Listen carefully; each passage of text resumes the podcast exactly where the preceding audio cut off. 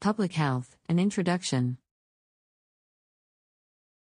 Health has many definitions, and most of people think health means not being sick. The World Health Organization or WHO has a broader definition and defines health as a state of complete physical, mental, and social well being, and not merely the absence of disease or infirmity.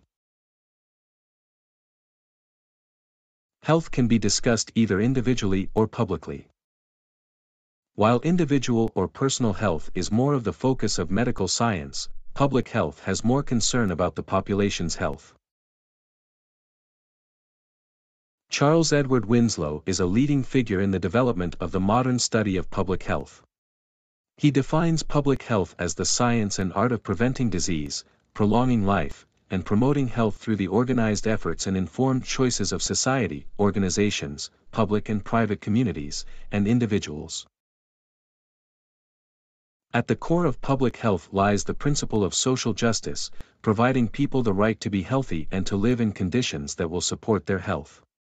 WHO states that the mission of public health is to provide maximum benefit for the largest number of people. Now that we know what public health is, let's review some common key terms. Epidemic is an unexpected increase in the number of disease cases in a specific geographical area. Pandemic is when the epidemic disease happens in many continents all over the world. An endemic refers to a disease which is consistently present but limited to a particular region.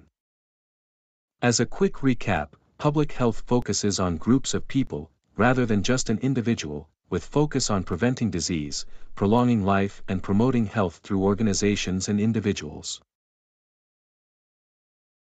Thank you for watching.